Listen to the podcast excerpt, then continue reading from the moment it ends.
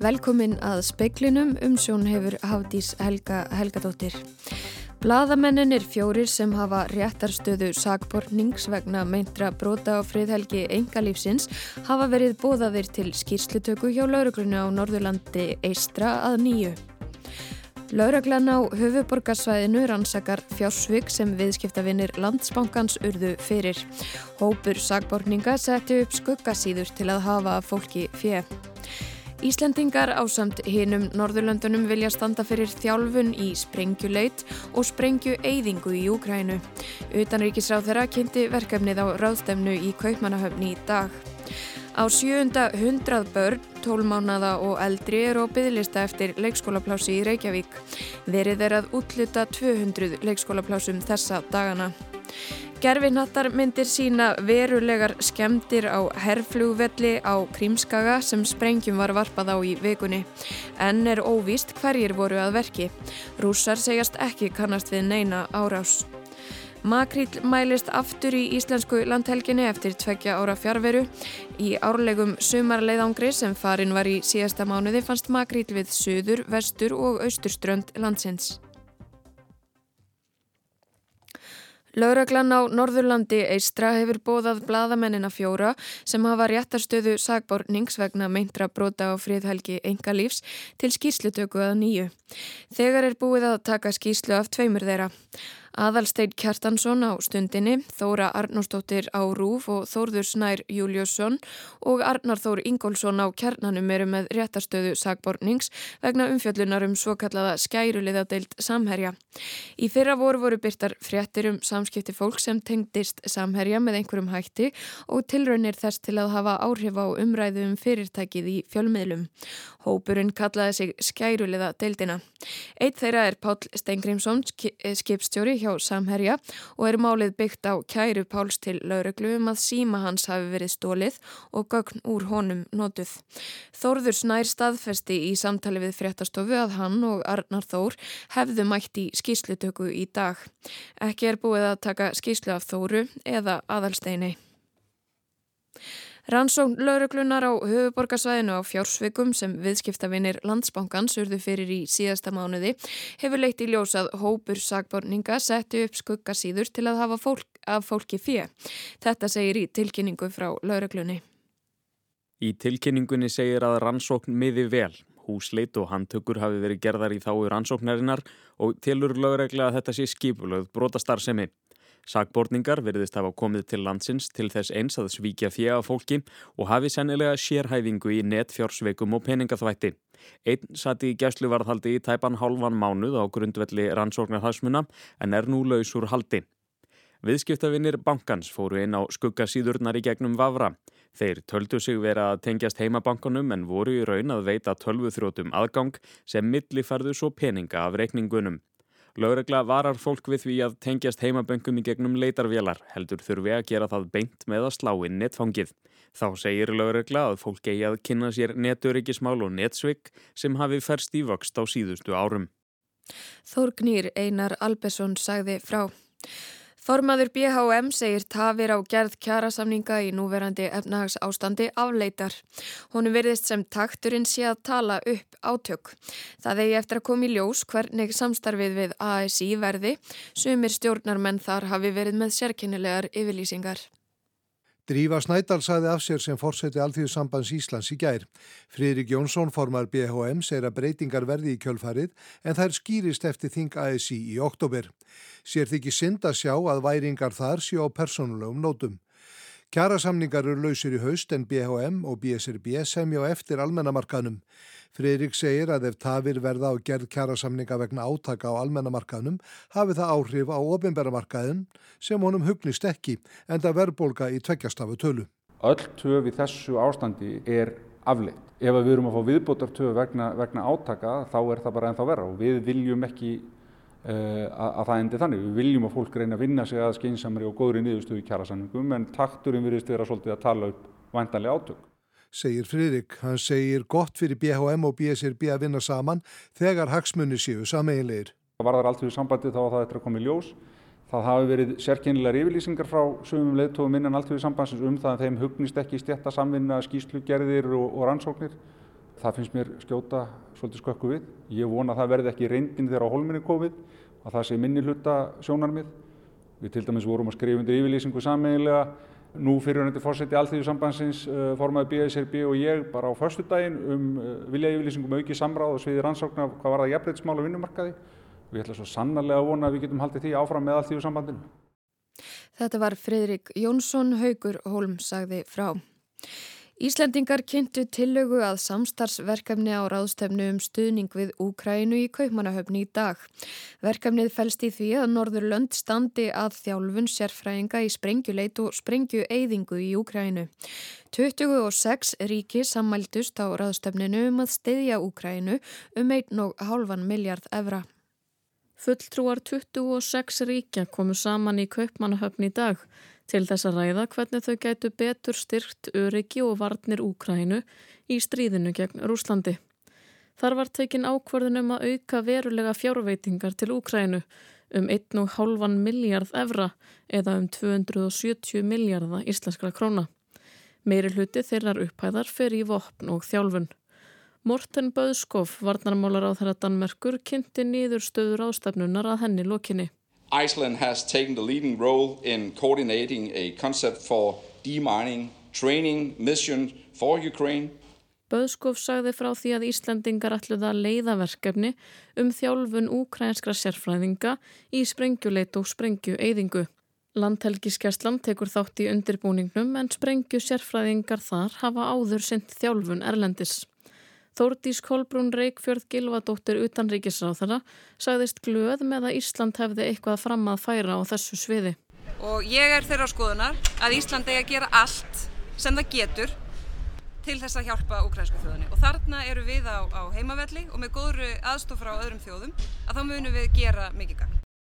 Sæðið Þórdís Kolbrún Reykjörð Gilvadóttir og Löfrún Erlendstóttir tók saman. Á sjöunda hundrað börn, tólmánada og eldri eru á bygglista eftir leikskólaplási í Reykjavík. Ekki likur fyrir hver mörg er í vistun hjá dagforeldri. Verið er að útluta 200 leikskólaplásum þessa dagana. Foreldrar sem býð eftir leikskólaplási fyrir börn sín emdi til mótmælaðir á þessi Reykjavíkur dag áður en fundur hófst í borgaráði. Hópurinn lísti óanægi með stöðuna. Samkvæmt upplýsingu frá Reykjavík og Borg eru í dag 669 börn, 12 mánað og eldri á bygglista eftir leikskólaplássi. Ekki líki fyrir hver mörg er hjá dagforeldri en við þessa tölu bætast 60 börn sem eru á sjálfstætt starfandi leikskóla og býða eftir plássi á borgarreknum. Rúmlega 200 laus pláss eru í dag og eru verið að útluta þeim þessa dagana en að því loknu verða vendanlegum 470 börn á bygglista. Samkvæmt borginni mun á næstu mánuðum verða hægt að taka við einhverjum þeirra og er unnið að frekar í fjölkun plássa. Haugur Holm sagði frá nánar verður rætt um leikskólamálinn síðar í speklinum. Makrýll er nú útbreytur í íslensku landhelginni og ekki hefur mælst meira af honum við landið síðan sömarið 2019. Í rannsónarleiðangri sem farin var í síðasta mánuði fannst makrýll við söður, vestur og austur strönd landsins. Rannsóknarskipið Árni Friðriksson tók nýlega þátt í árlegum uppsjáarleiðangri í Norðurhöfum. Leiðangurinn stóði átján daga, fjórða til 21. júli. Augskips Havró voru í leiðangrinum rannsóknarskip frá Noregi, Færegjum, Grænlandi og Danmörku. Hafrannsóknarstofnun hefur nú byrt bráðabyrja niðurstöður sem sína að magn og útbreðsla makrilis í íslenskri landhelgi er mun meiri en undafarinn tvö sumur. Árni Fridriksson mældi makril með frá suður og suðvestuströnd landsins bæði á landgrunninu og utan þess. Þá fundu norsku og færiðsku skipin einni makril fyrir austanland. Suður á landinu var makril í Íslandsdjúpi, suður að 60 og annari breytagráðu, en í þessum leðangri hefur makril ekki fengið svo sunnalega síðan sumari 2016. Niðurstöðu sína að hitastig við yfirbor sjáar var svipað og sumarið 2021 en aðeins hlýra en sumarið 2020. Það eru góðar frétti fyrir útgerðina ef makrill fer aftur að venja komu sínir í landhelginni en lítið hefur fundist að makrill á Íslandsmiðum síðan sumarið 2019. Það getur veikt samningsstöðu íslenska akvart öðrum strandríkjum þegar kemur að útlutun veiðheimilda. Íslensk skip hafa ekki veiðileifi í lögsugu annara ríkja og veiða því allansinn makril og alþjóðluga hafsvæði í síldarsmugunni mörg hundru mílur norður í hafi. Ágúst Ólafsson sagði frá.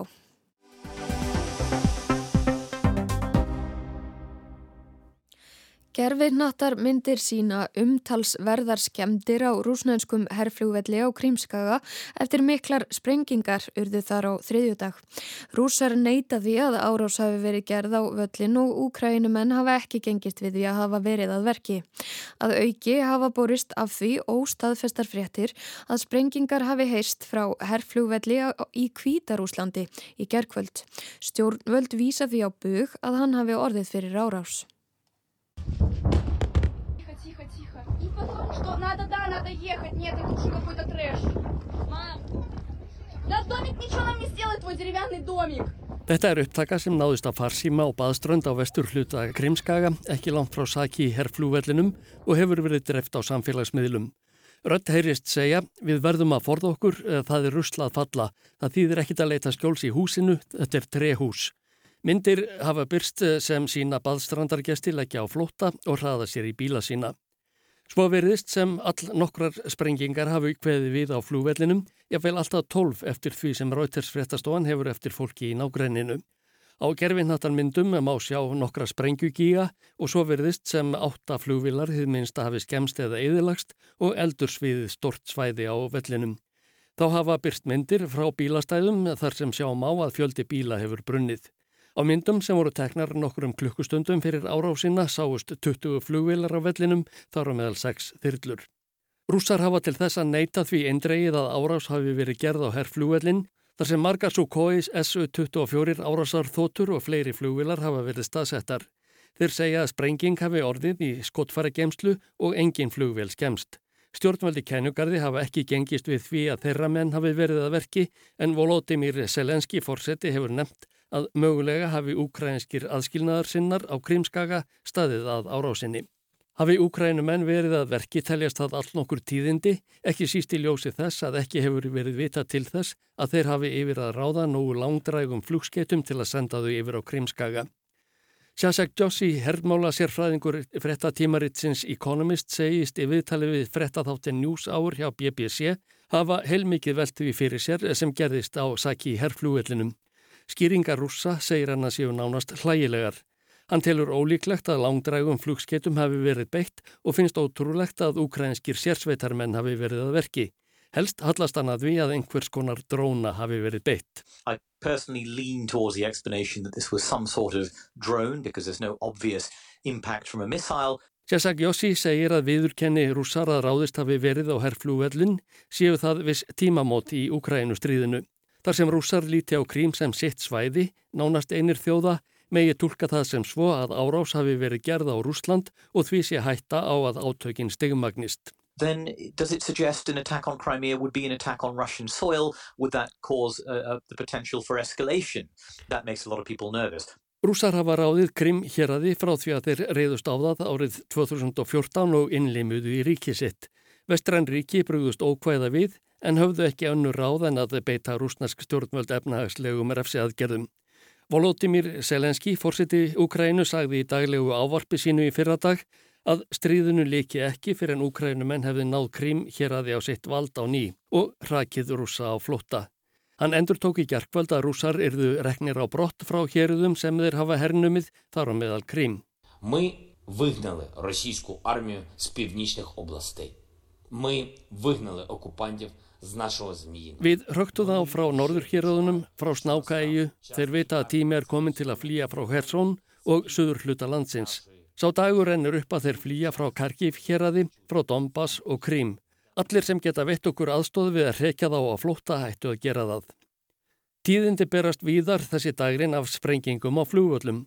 Pólska ríkisútvarpið greindi í dag frá því að hvít rúsneski frétta vefurinn Belarúski Hatjún hefði eftir fleiri en einni heimild að að minnstakosti áttarsprengingar hefðu hyrstu næri Sija Brovkam herrflugvöllunum í Hvítarúslandi um hálf eitt leitið í nótt. Að sögnu sjónarvotta sáist blossar á himni og höggbilgjur fylgdu sprengingunum. Rúsneskar herrflugvilar hafa haft aðstöðu á flugvöllinum sem er skamt frá landamærum Hvítarúslands og Úkrænu frá því í byrjun júli. Þeir sem halda úti Belarúski Hadjún vefnum fylgjast grant með aðgerðum hersins. Þessi tíðindi hafa enn ekki fengist staðfest. Hvíturúsnesk stjórnmöld vísa fréttinni á bug. Að sögnu varnarmálaráðunni til sinns í Minsk kviknaði í tækjabúnaði sem verið var að prófa í gerkvöld. Greiðlega gekk að slökva eldin og engan sakaði. Áskeir Tómasson sagði frá.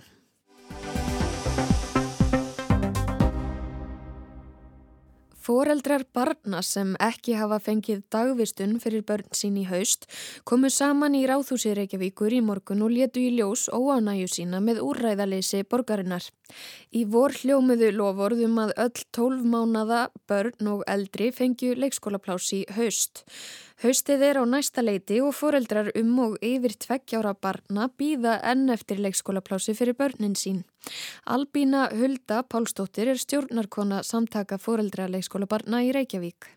Staðin er náttúrulega mjög erfið fyrir marga fóreldra því að það er náttúrulega bara staðindarinn svo að það voru margi fóreldra sem reikna með að börnin er að kæmust inn í leikskóla e, núna í haust en því miður og þá verður það ekki raunin fyrir alla fóröldra að börnið eru komist inn og það eru margar ástæðir fyrir því. Uh, hlut til er þannig að þetta er einna stærstu árgangum sem hefur fæðist á Íslandi 2021 árgangurinn þannig að fjöldi barnana er mjög mikill uh, og, hérna, og það er erfitt að bregðast rætt við slíkri fjölkun í kerfinu því miður. Uh, en svo er það líka ákveðin breyting á kröfu. Ég og sjálf bat sem er tveggjara og annar bat sem er átt ára og þegar ég átti afturleikamall batna þá var ekki sterk krafa hjá fólkdrum að börnin kæmust inn á leikskóla strax eftir fæðingurlóf. Flesti fólkdrar reikniði með því að batnið væri fyrsta veturinn í dagvistun hjá dagfórildrum. Uh, en þetta er bara ákveðin breyting sem eru orðið af því, meðalans af því að það er bara fólk gerir meiri kröfu til dagvistunar sem börnin fari í og, og vill þetta faglega og góða starf sem er á leikskólum.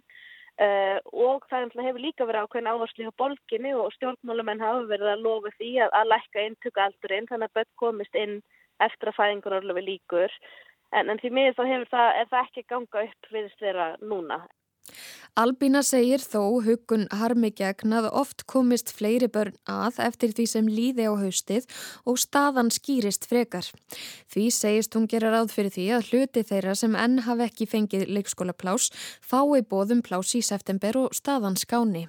Það er alveg enn von fyrir einhverju fóröldra en, en standin er bara svo og þetta er bara, mjög mikil fjöldaða börnum og fólk vill að börnum komist fyrr inn heldur en var áður og, og það er náttúrulega líka búið að segja að það er því og það er náttúrulega í raun og veru líka mikilvægt að hafa í huga að það er ekki náma einhver 7% af börnum sem komast almennt inn í leikskóla við 12 mánu aldur yfir alls landi veist, og þessi staða er ekkit betur en einstar annar staðar, hún er slæm í Reykjavík, í Hafnarferði, í Garðabæ, í Kópavæi og sumstaðar út á landi Reykja af því að það hefur orðið tölver fjörgun fjölgun á börnum og að því að fólkdrar eru núna að gera aðra kröfur en það gerður sem er jákvægt sko En þetta er bara, við erum bara held ég okkur á mjög erfiðum tímapunkti í þessari breytingu þess að fara út dagfóruldrakerfi yfir í það að flest börn sennilega fari beint á leikskóla eftir að fæðingur og lofi líkur.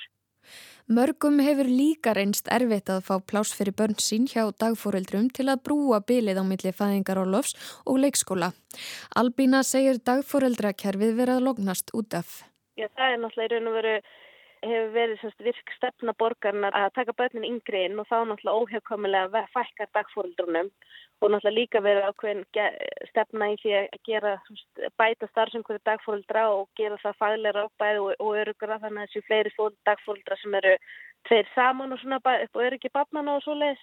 Þannig að þú veist, það er alveg, og svo krafa er skýr bæði frá fagfólki og frá fórildrum að, að það var kannski ekki alveg ná mikil ánægja með dagfólkdrakerfið eins og það var. Það, það var margar jákvæða breytingur orðið á því og dagfólkdrar er ennþá mikilvægur partur af dagvistunarkerfinu. Eh, en, en ég menna stróunin er svo að það eru færri börn sem eru við að vera að fara í dagfólkdrakerfi á. En það er alltaf líka hluti til að því það er dýrara fyrir fóröldra. Verðmunur á leikskólavist og dagforeldravistun getur verið hundruð þúsunda á ári. Það getur því ítt undir ójöfnuð að leikskólaplás sé á skörnum skamti. Sumir hafa efni á dagforeldri og geta snúið aftur til vinnu að fæðingarálofi loknu en aðrir ekki. Bæjaráð Garðabæjar hefur samþygt greiðslur til forráðamanna barna tólmánada og eldri sem er á bygglista eftir leikskólavisti í Garðabæ. Gætu heimgreiðslur eða lenging fæðingarólofs verið lusn á leikskólavandanum í Reykjavík? Það er náttúrulega kannski einmitt svona fagleg rauk fyrir því að það sé betra fyrir börn að vera lengur heima og sumir fóreldrar vilja ekki að hann vera lengur heima en tónmánuð með börnin sín. En það er alltaf líka svolítið mikilvægt að hugsa um það að fjölsk fjölskyldur eru ólíkar og eru með ólíkar þarfis. Þannig að það er líka kannski mikilvægt að sé sveginleiki í þessu kerfi þannig að það hérna, sé ekki verið að tróða öllum í sama formið. En já, lenging fæðingunum er klálega að vera einn lausna á þessum vanda núna en, en aftur það er ekki sveitafélagin sem geta gert það með heimgreðslunar, ég er rosalega, ég er rosalega hætt við þær af því það er bara sína rannsóknir það og fordaminn sína það að það sem gerist þegar það eru heimgreðslur er að það eru helst konur sem eru heima og, og það sem að gerist hefur líka sést erlendis og það eru jafnveg ennþá frekar konur um erlendum uppruna sem eru lengur heima þá ef það eru heimgreðslur í bóði og þá er er ekki að taka þátt í samfélaginu, er börnin er ekki að læra tungumálið.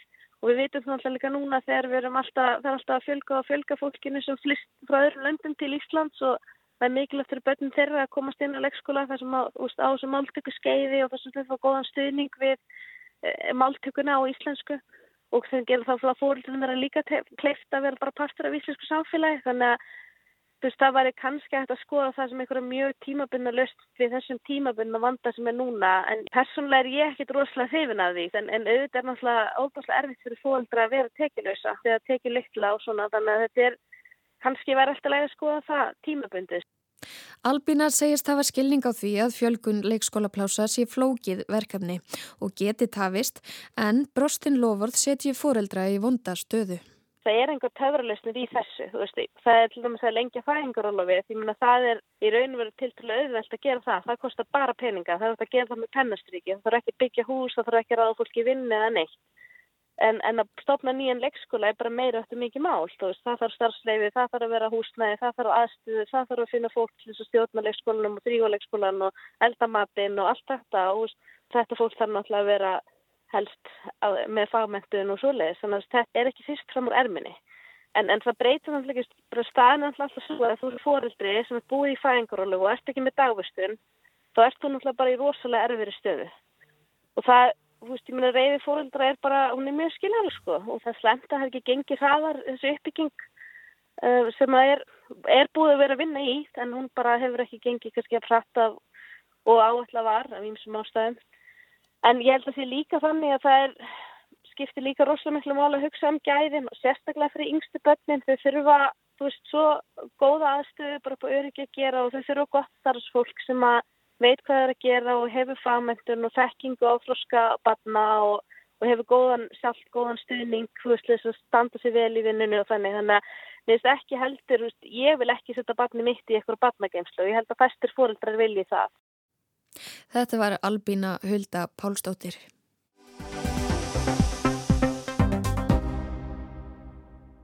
Skráð atvinnuleysi var minna í júli en verið hefur um ára byll eða frá því vorið 2019.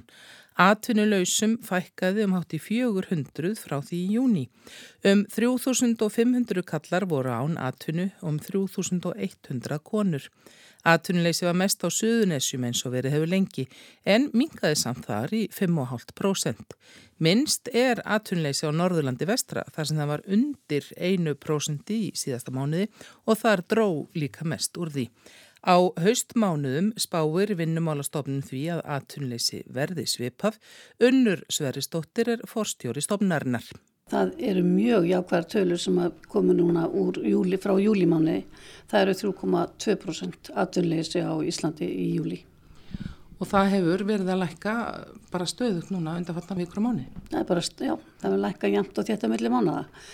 Allir við hvort við séum komin að ná botninum, ég veit ekki, en við spáum því að það verði frá svona 3, kannski til 3,4% já, alveg fram í nógumber og það er þá bara ástíðabundin söfla sem að kemur þar? Já, þá víst ég fannstlega við að þá munum við sjá þessar tölur fara að nikast upp á við eins og gerist alltaf yfir vetramánuðina fram í februar og mars á næsta ári. En það vekur náttúrulega aðtegli þegar að rýndir í þessar tölur samt að það er mjög hátt hlutfall útlendinga á atvinniska. Já, sko við hefum verið að glíma við þetta alveg síðastlinn þrjú, fjög, fimm ár síðan að uh, svo mikið af fólki elendis frá fór að vinna hér á íslensku vinnumarkaði að á skránu hjá okkur hefur þetta verið eða svona 40% fasti.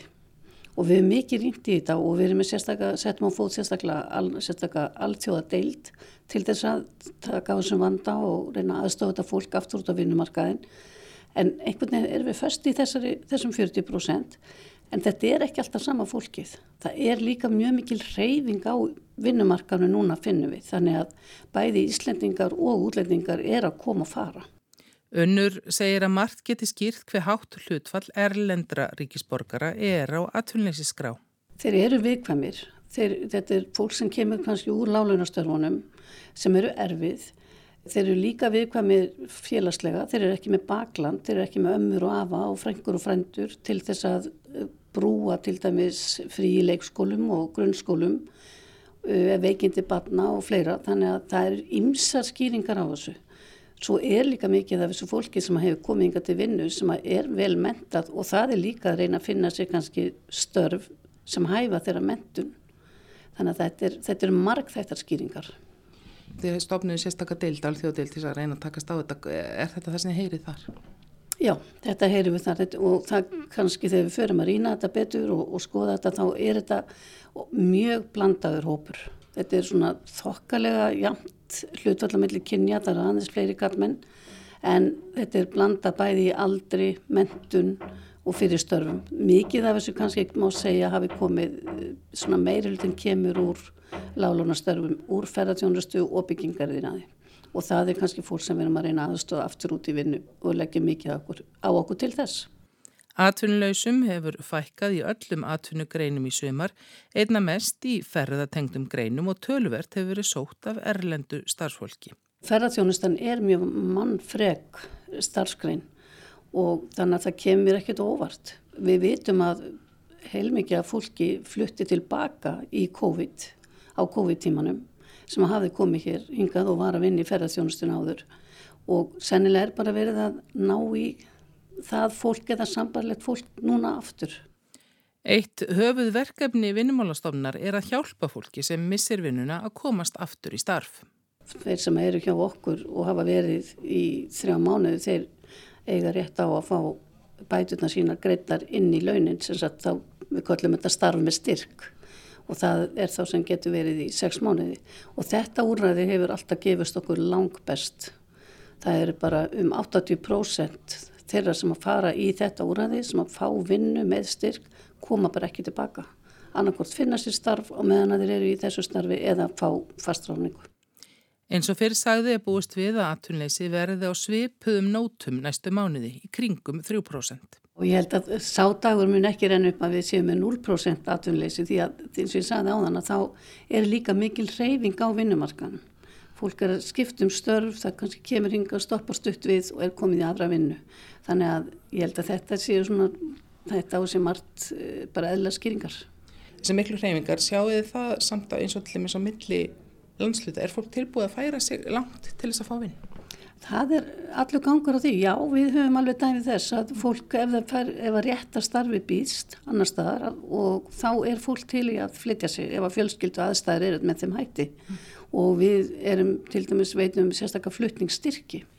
Vel hefur gengið að greiða leið fólk sem flúði til Íslands frá Úkrænu inn á vinnumarkaðin hér.